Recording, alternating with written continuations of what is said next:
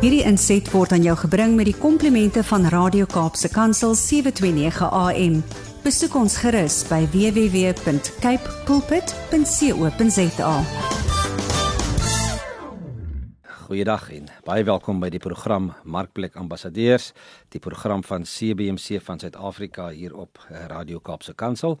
En CBC Suid-Afrika is die Christian Business Men's Connection en ons is 'n bediening wat wêreldwyd daaraan toegewy is om sake en professionele persone uh, voor te stel aan aan die Here Jesus Christus en ook om hulle toe te rus en te help om te groei om uh, uiteindelik ook disipelmakers te word en dan die soos ons sê die kersie op die koek is om op te tree as ambassadeurs vir Christus in die markplek want daar in 2 Korintiërs 5 vers 17 staan uh, iemand wat aan Christus behoort is 'n nuwe mens en die ou is verby en die nuwe het gekom en dan verduidelik hulle daar in die volgende twee verse verduidelik Paulus vir ons hoe werk hierdie proses van verzoening. En dan in vers 20 staan daar um, ons is ons is sy ambassadeurs. So dis waaroor hierdie program gaan. Dit gaan oor ambassadeurskap en dit gaan daaroor dat ons ook uh, in ons werksomgewing in ons besighede dat ons oral waar ons gaan sal optree as as ambassadeurs uh, vir Christus en dis hoekom hierdie program se naam ook Markplek Ambassadeurs is. Ja, ek is besig met 'n met 'n reeks oor oor leier Bybelse leierskap. Ons uh, trek al hier diep in die 40 programme wat ons al opgeneem het rondom dit. En uh, ek dink daar's nog baie om te sê. Ons is nou maar hier by by by, by konings besig. Maar ek het ehm um, so 'n paar weke terug het ek so bietjie afgewyk en ek het uh, geskuif na na Spreuke toe. Ehm um, want soos ek ook verduidelik het in vorige programme dat ons nie die die Bybel se formaat soos ons hom vandag sien is nie noodwendig alles in kronologiese volgorde nie. So daar's byvoorbeeld Spreuke wat Salomo geskryf het wat ons by Spreuke lees, maar Salomo het gelewe daar in die tyd van een konings. so ek het net geskuif en gesê nou maar goed, wat pas in by daai gedeeltes waar Salomo gelewe het? En ons het die laaste week of twee bietjie gekyk na van die spreuke wat Salomo geskryf het en wat is die besigheidslesse of die leierskapslesse wat ons ook ook daaruit kan kry. En ons het tot by so by by, by Spreuke 22 gevorder. En ek wil bietjie verder gaan vandag met Spreuke 22 en net so 3 of 4 verse per per hoofstuk uithaal. Ehm um, wat spesifiek gerig is ehm um, op op leierskap en besigheid en en kyk wat kan ons bietjie leer daarso. Ek het ook vir julle in die vorige programme aangemoedig en ek wil dit weer doen. Ehm um, Spreuke het 31 hoofstukke en uh doen jouself die guns en lees elke dag ehm um, een van die 31 Spreuke, een van die van die hoofstukke en doen dit vir 'n maand lank van 1 tot 31 en dan begin jy volgende maand weer van voor af. En ek kan jou beloof jy gaan elke maand uit 'n um, ander teksvers kry wat met jou gaan praat en wat met wat tot jou spreek as wat jy die vorige maand gekry het uit daai selfde hoofstuk uit. So ek het ehm um, so 'n bietjie weer deur deur hierdie laaste paar hoofstukke gelees die afgelope week en uh van Spreuke 22 tot tot tot 29 het ek weer deurgelees en daar's 'n paar teksverse wat weer ehm um, uitgespring het daar en natuurlik wat 'n mens ook kan van toepassing maak en kyk wat kan ons leer aangaande leierskap. So op Spreuke 22 vers 3 ehm um, sê vir ons 'n verstandige mens sien onheil kom en vermy dit. Onervare mense loop oop oë daarin en boet daarvoor. Nou net op daardie teksvers alleen kan 'n mens baie sê ehm um, want wat is die wat is die een ding wat 'n leier onderskei van van volgelinge en van sy werkers? En dit is die feit dat hulle sê 'n leier is die een wat sien vooruit. Hy sien eerste. Hy hy het 'n hy het 'n ander tipe van visie en uitkyk op op wat op wat daar op wat is en wat dalk kan kan gebeur. Met ander woorde, 'n leier dink aan aan die gevolge van besluite. 'n Leier dink daaraan Nou maar goed, baie keer dan wil mense vinnige besluite neem in 'n besigheid en sê maar kom ons doen gou dit of dit. En die leier is daai ene wat moet wat moet bietjie haltroep en sê okay, kom ons kyk wat is die wat gaan die positiewe of negatiewe effekte wees van wanneer ons hierdie besluit neem. En veral as dit kom by vers 3 en ons het baie gesprekke met met jong mense waar ons hulle sê maar Hoekom hoekom wil jy wag tot dit die moeilikheid vir jou vir jou pak? Hoekom wil jy dit nie liewerster vermy nie? Met ander woorde, ons sê altyd mos wag maar tot die pop op die fan slaan. So ek sê altyd vir die jong mense, hoekom wil jy wag tot die pop op die fan slaan? Sit liewerster die fan af of vang die pop of of skuif hom uit die pad uit. So hoekom moet ons wag tot daai moeilikheid gebeur? En Spreuke 22 vers 3 sê vir ons: 'n Verstandige mens sien onheil kom en vermy dit. En dit is wat jy as leier moet doen. Wat jy as besigheidsleier ook in jou besigheid moet doen is om te sê: "Hoekom hoekom moet ons wag tot 'n moeilikheid ons slaan? Hoekom kan ons dit nie verhoed nie? Hoekom kan ons nie ander planne maak om dit te stop nie?" En dan sê vers 3 se tweede gedeelte: "Onervare mense loop oop oë daarin en boet daarvoor."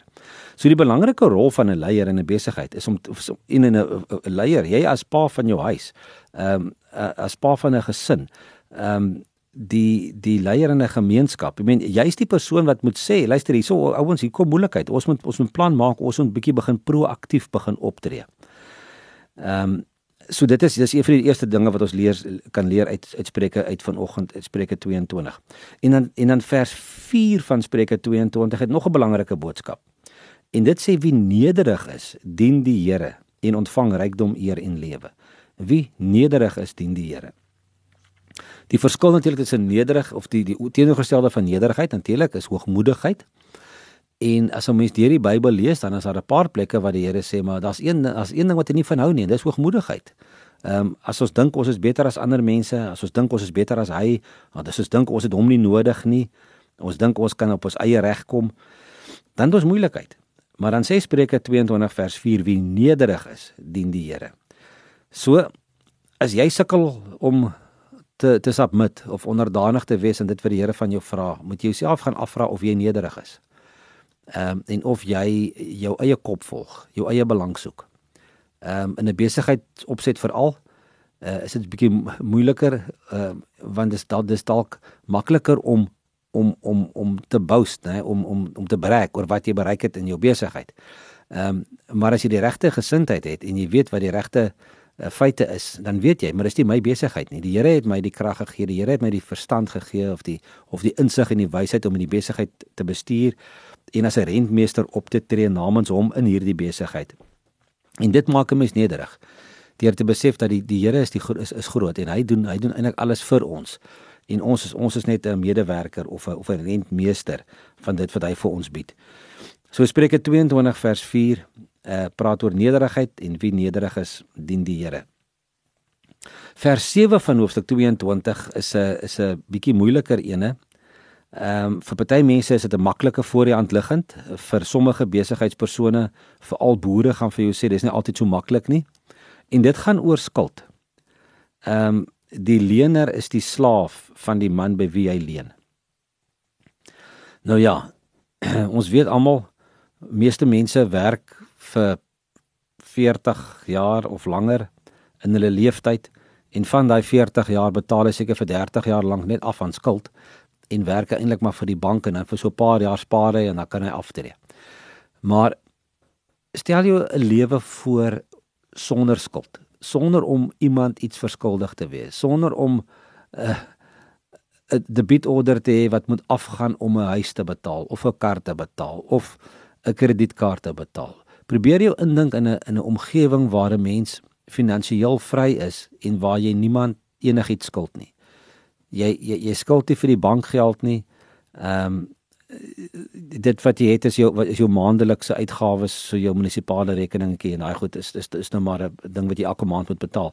Maar maar skuld is 'n is 'n ding wat wat mense slawe maak. En die Bybel sê vir ons die lener is die slaaf van die man by wie hy leen.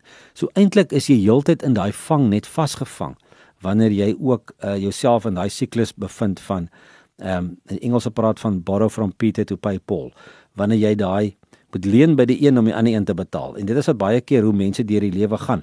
En en en en tans ehm um, is ons in baie moeilike tye in ons in ons in ons ekonomie. Ek ek het ek het ehm um, verlede week met een van die groot finansiële instellings se uh, een van hulle bestuurders gepraat en hy sê toe vir my ook dat ons die die die eintlik die die swakste syfers het in die hoogste rentekoerse wat ons die afgelope 14 jaar gehad het. So dinge is nie maklik daar buite nie. En en mense is baie keer ehm um, half gedwing om om op skuld te gaan lewe of 'n lenings aan te gaan omdat hulle nie hulle daaglikse uitgawes um, kan kan bybring nie. Ja, so wat moet 'n mens doen? Ehm um, aan die een kant probeer om jou uitgawes te besny en aan die ander kant probeer om jou inkomste te verhoog. Uh, wat nie altyd so maklik is nie. Maar probeer so ver as moontlik wegbrei van skuld af. Ehm um, want dit is dit is dit wat wat 'n mens op 'n einde van die dag ehm um, lank besig hou en wat jou um, uiteindelik ook soos die Bybel sê die slaaf maak van die een by wie jy by wie jy leen.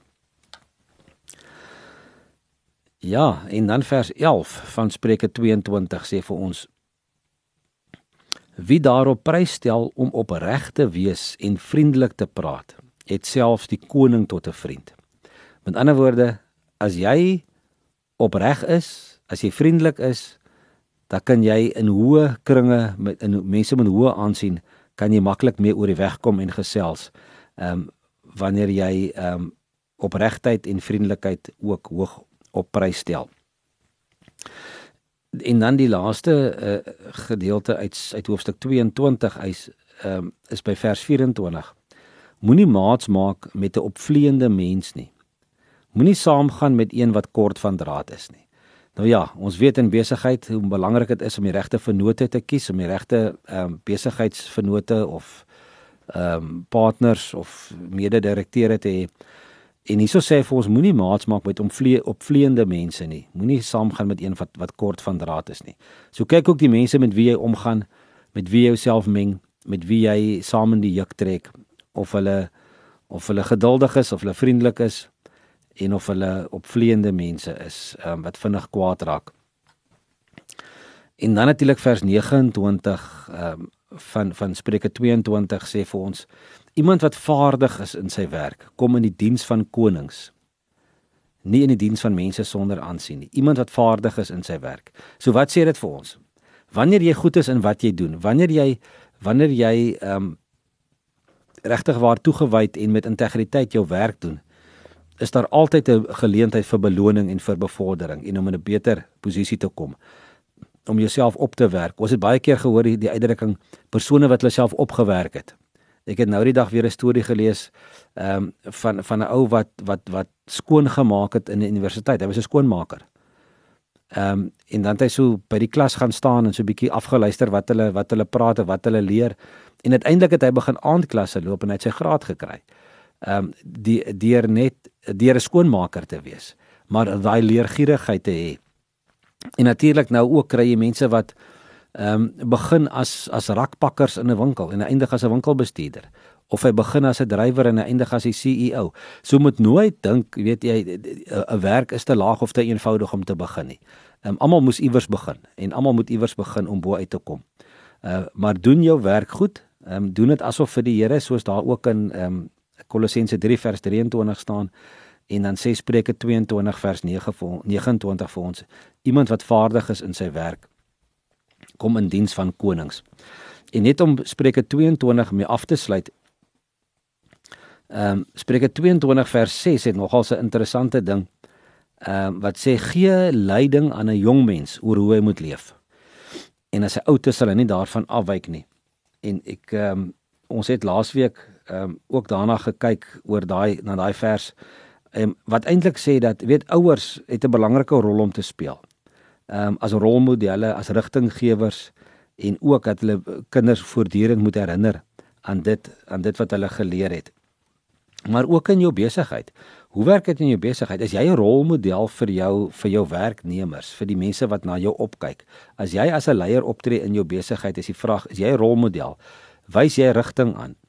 En en herinner jy gereeld jou mense ook aan aan die waardes en die waardesisteem waarvolgens waarvolgens jy jy werk?